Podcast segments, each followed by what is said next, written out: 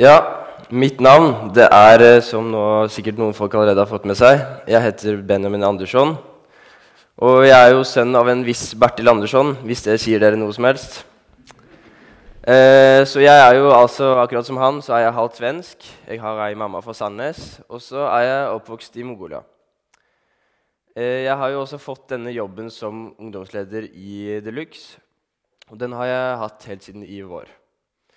Og ikke vet jeg om Peter spurte meg om denne stillingen kun pga. at jeg er eh, tilsynsmannens sønn. Og derfor tenkte jeg at ja, han er sikkert en grei fyr, han òg.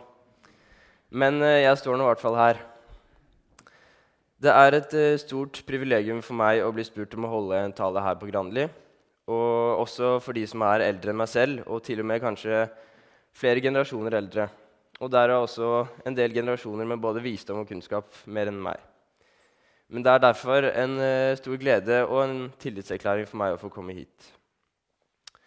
Jeg tenkte å først starte med å si litt uh, om hvem jeg er, og hva jeg driver med akkurat nå. Fordi jeg er jo først og fremst leder for ungdommene her på Deluxe, hvor vi fortsatt samles uh, rundt to ganger i måneden. Og ellers i høst har jeg valgt å ta et år på Fjellhaug bibelskole i Oslo. Og nå har jeg gått der i to uker, og jeg stortrives allerede. Så dette bibelskoleåret det føler jeg på en måte allerede passer meg godt, og jeg kjenner at det er noe som jeg ser fram mot å fortsette med. Og bibelskole det er noe som jeg allerede kan anbefale dere om at dere ungdommer som, at dere bør vurdere det, og at dere andre må tipse barn eller barnebarn om at bibelskole det, det er noe man bør eh, tenke på. For en eh, stund tilbake så hadde jeg nok aldri tenkt at jeg skulle stå foran en menighet på et søndagsmøte og holde tale. Jeg er jo vant med å holde litt taler for ungdommer. Men eh, som jeg også har lært å erfare, at med Gud på laget så kan man klare det meste. Så først og fremst nå så har jeg lyst til å legge dette møtet i Guds hender, så da starter vi med en bønn. Kjære Gud, takk for at vi kan få lov til å samles her i dag. Takk for at det har letta på restriksjoner, og at etter, nå etter sommeren så vi kan samles i kirken så vil jeg gjerne takke for alle som er her, og så ber jeg om at du må se til dem som av ulike årsaker ikke kunne komme i dag. Gi meg kraft og mot til å si det du vil at jeg skal dele her i dag. Og hjelp de som sitter her, til å lytte og ta til seg. Amen. Hva tenker du når du har arbeida en hel lang arbeidsdag? Det har vært tøft og mye å gjøre, mas hele dagen.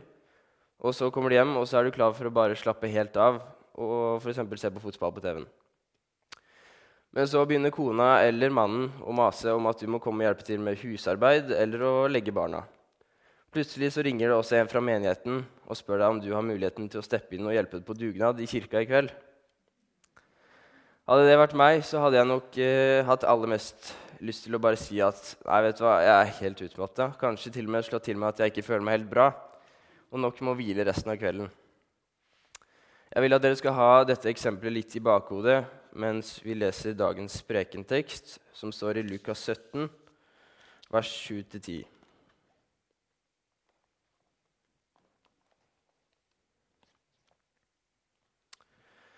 Dersom en av dere har en tjener som er ute og pløyer eller gjeter, vil han da si til tjeneren når han kommer hjem fra markene, Kom nå og sett deg til bords. Nei, han vil si, lag til kveldsmaten, bind opp kjortelen og stå til tjeneste for meg mens jeg spiser og drikker. Etterpå kan du selv få deg mat. Takker han vel tjeneren for at han gjorde det han var pålagt? På samme måte med dere, når dere har gjort alt som var pålagt dere, skal dere si:" Vi er unyttige tjenere og har bare gjort det som vi var skyldige til å gjøre. I det siste verset her så står det slik skal også dere, når dere har gjort alt det som er pålagt dere, si:" Vi er unyttige tjenere. Vi har bare gjort det som vi var skyldige til å gjøre. Når jeg leste denne teksten, så stopper jeg særlig litt opp med det siste verset her. For det slo meg at jeg tror Gud her snakker om f.eks. det som jeg nevnte tidligere. At vi heller har mye lyst til å slappe av enn å gjøre det som et godt menneske og en god kristen burde gjøre. For Herren sier at vi skal være som tjenere og bare gjøre det som vi er skyldige til å gjøre, uten at vi forventer noe igjen, eller at vi skal vente belønning for dette. Dette verset det kan jo på en måte føles litt tungt, og det kan, på en måte, det kan føles som om Gud ønsker å bruke oss som tjenere. I hvert fall i måten det står på i det verset her, hvor vi beskrives som unyttige tjenere. I forberedelsene for denne talen så leste jeg også gjennom noen av uh, lesetekstene for i dag, som er vingårdssøndagen. Og En av de tekstene her de står i 5. Mosebok, kapittel 8, vers 7, og deretter vers 11-17. Og Det første vers, eh, vers 7 det er bare for at vi på en måte skal forstå konteksten av hva de andre versene handler om. Hvor det står at når Herren din Gud fører deg inn i et godt land, et land med rennende bekker, med kilder og dype vann, som veller fram i dalene og på fjellene. Altså så innleder det verset med at Herren har ført oss til et godt sted. Og så går vi til vers 11, hvor det står Da vokt deg så du ikke glemmer Herren din Gud og forsømmer å holde budene, lovene og forskriftene hans, som jeg pålegger deg i dag. Når du spiser og blir mett, når du bygger fine hus og bosetter deg i dem, når ditt storfe og småfe øker i tall, når du får mengder av gull og sølv og hele din eiendom vokser. Vokt deg da, så du ikke blir håndmodig og glemmer Herren din Gud, Han som førte deg ut av Egypt, ut av slavehuset. For han ledet deg gjennom den store, uhyggelige ørkenen med giftslanger og skorpioner, et tørstende land uten vann. Han lot vannet strømme for deg fra Harefjellet. Han lot deg spise manna i ørkenen, en mat som dine fedre aldri hadde kjent til. Alt dette gjorde han for å ydmyke deg og prøve deg, og så gjøre vel mot deg til slutt. Du kan si i ditt hjerte, det er min egen kraft og min sterke hånd som har skaffet meg denne rikdommen. Men husk Herren din Gud for det er Han som gir deg kraft til å vinne rikdom. Slik vil Han stå ved pakten som Han inngikk med dine fedre, slik Han gjør også i dag. Og når jeg leste de versene her, med versene fra Lukas i bakhodet, så var det noe som slo meg. Som nevnt tidligere fra versene i Lukas, så kan det jo føles som om Gud kun ønsker at vi skal være hans tjenere, og at han kun bruker oss. Men særlig når jeg leste vers 17 og 18, du kan si i ditt hjerte, det er min egen kraft og min sterke hånd som har skaffet meg denne rikdommen. Men husk Herren din Gud, for det er Han som gir deg kraft til å vinne rikdom. Slik vil Han stå ved pakten som Han inngikk med dine fedre, slik Han gjør også i dag. Og da tenkte jeg på hvor viktig det er å huske på at hele bakgrunnen for at vi i det hele tatt får lov til å leve som tjenere for Gud, det er nettopp dette som er beskrevet her. For Gud han har allerede gitt oss alt dette som det står om. Han har gitt oss kraften til å tjene ham og til å tjene andre mennesker. Og han har gitt oss kraften til å vinne oss rikdom. Og vi skal ikke tjene ham for at vi skal vinne noe for oss selv og vår egen del. Fordi vi tjener fordi vi allerede har fått alt fra ham. Jeg vet ikke om dere husker det ene verset fra sangen som vi sang i stad. Men i vers to der så sto det det største her i verden, det er ikke kløkt og makt, men Herren glad å tjene i kjærlighetens drakt. Og Jeg synes den sangen her, og særlig det verset, passa godt inn til de bibelversene som vi ser på i dag. Nemlig det her med at det største her i verden, det skal ikke være makt, penger og visdom, eller å alltid få det nyeste og beste, men vi skal sette det å tjene Gud enda høyere og det å være med og utbre Hans rike og spre det gode budskap. I versene fra 5. Mosebok så står det jo også om at vi har fått eh, rikdommer uten at vi fortjener det.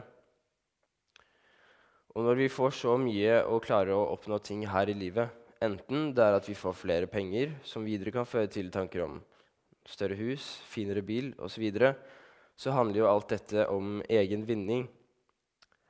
Og det er veldig lett at vi tenker som mennesker når vi har oppnådd noe stort, at wow, nå har jeg vært flink. Eller nå har jeg fått til noe helt spesielt. Hvis jeg f.eks. nettopp har vunnet en fotballkamp, da, og jeg føler at jeg har spilt helt sjukt bra, jeg scorer mål og alt mulig Også, Eller at jeg har jobba en hel dag på Kiwi. Jeg har jobba litt i Kiwi. Så ja, jeg har sittet en hel dag i kassa og kjeder meg. Og ja, det er bare drit, rett og slett så tenker jeg jo at nå, dette det her er penger som jeg virkelig har gjort meg fortjent til. Nå har jeg vært flink, jeg har spilt bra eller jeg har jobba godt. Og da er det ikke nok dessverre ikke så ofte i slike situasjoner at jeg har tenkt eh, Takk, Gud, for at du har hjulpet meg med dette og gitt meg evne og kreftene til å klare det. Dessverre er det ikke slik. Men det er, som det står i disse versene, så viktig å ikke glemme alt det vi har fått fra Herren. For det er ikke av egen styrke, men alt er fra Gud. Husk Herren din Gud som gir deg kraft. Vi har ikke fortjent eller klart noe av dette av oss selv. Og dette med at det meste man gjør her i livet, er for egen vinning, det er jo også rake motsatsen til det vi leser i dagens tekster. Vi mennesker handler, handler helt uh, ja, i rake motsetning til det det står i de tekstene. Bruker vi virkelig våre krefter på å gjøre det vi kan for Gud, eller bruker vi dem til egen vinning? Eh, dette spørsmålet det gir jo grunn til selvransakelse, og jeg tror det kan være et nyttig spørsmål å stille seg selv innimellom. Jeg kan ta et par eksempler for uh, min egen del. Jeg er jo som de aller fleste normale mennesker glad i å tjene penger. Og jeg ser på en måte alltid etter muligheten til å tjene mer penger, slik jeg vet er vanlig for flere enn meg selv. Og dersom man har tjent seg opp en liten sum med penger og har et lite overskudd, så er det jo for tiden veldig populært å sette inn penger i f.eks. fond eller aksjer. Nettopp for å prøve å skape enda mer penger av det man allerede har fått. Jeg har i det siste blitt litt eh, engasjert av det her selv. Og det er jo selvfølgelig spennende å kunne sette penger inn i et fond og bare se at eh, det vokser av seg selv. Og Et annet eksempel det er den jobben her i Deluxe.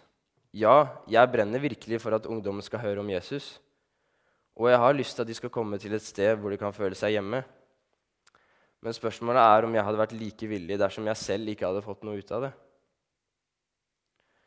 Det ligger jo i alle menneskers natur å ofte velge de løsningene som lønner seg mest for deg selv, enten økonomisk eller på andre måter. Nå sier ikke jeg at det er feil å investere tid og penger i fond eller aksjer, eller å arbeide fordi man trenger lønn. Det er jo ikke det jeg snakker om. Det kommer bl.a. veldig godt med for meg at jeg har en liten ekstrajobb som student. Men uh, det, er jo, ja, det er jo ikke slik at Gud ønsker at vi skal slite oss helt ut og ta på oss mange oppgaver uten å få noe jordisk lønn for det heller. For han ønsker jo også så gjerne at vi skal bruke evnene vi har fått, og den kraften som vi har fått fra ham. Men samtidig så er det viktig å finne et balansert forhold mellom det å tjene penger og gjøre ting for egen vinning, og mellom det som er enda viktigere, nemlig å arbeide for å være med og utbre Guds rike. Og gi tilbake til Gud litt av alt det vi har fått helt ufortjent. For som det står i 1. Korinterbrev, kapittel 3, vers 4-11, som også er en av de andre lesetekstene for i dag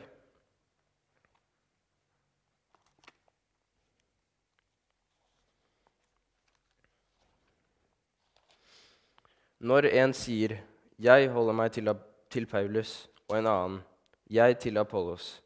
Er dere ikke da som alle andre mennesker? Hva er vel Apollos, og hva er Paulus? Tjenere som hjalp dere til tro. Begge gjorde vi det Herren hadde satt oss til. Jeg plantet, Apollos vannet, men Gud ga vekst. Derfor er det ikke noe, verken den som planter eller den som vanner. Bare Gud er noe, Han som gir vekst.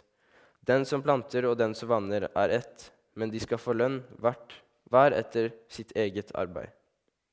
For vi er Guds medarbeidere, og dere er Guds åkerland, Guds bygning. I kraft av den nåde Gud har gitt meg, la jeg grunnvollen som en klok byggmester, og en annen bygge videre. Men hver enkelt må være nøye med hvordan han bygger, for ingen kan legge noen annen grunnvoll enn den som alt er lagt, Jesus Kristus. Og her står det jo også at vi er eh, Guds tjenere. Og uten Gud så er vi ingenting, verken om man er den som vanner eller den som planter. Det er bare Gud som er noe, for det er Han som kan gi vekst. Vi er Guds medarbeidere, og derfor skal vi også passe på hvordan vi bruker penger og midler som vi har fått. Bruk, dette også for å utbre Guds rike. For Kristus Jesus er den grunnvollen som er lagt. Og da skal eller kan ikke vi mennesker legge noen annen grunnvoll.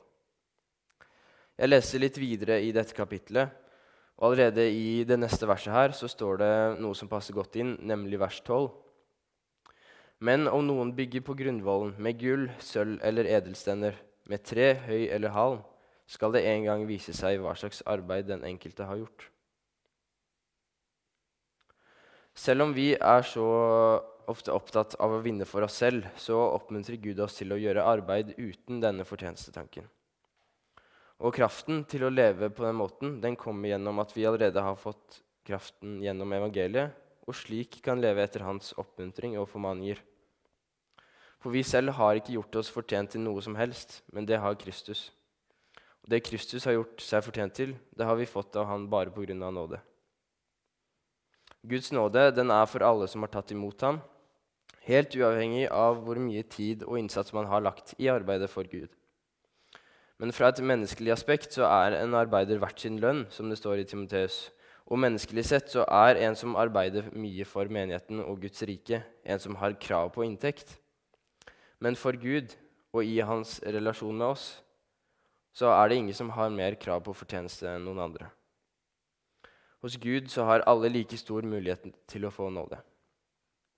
For nåden er noe som vi har fått helt ufortjent, som vil favne oss den dagen vi dør, en nåde vi kan leve hele livet i, uten noen ende. En nåde som kan glemme og gjøre fri, som vi bl.a. nå skal synge i den neste sangen. Kjære Gud, takk for at du har gjort oss til dine barn, og takk for at vi har fått nåden helt ufortjent. I Jesu navn. Amen.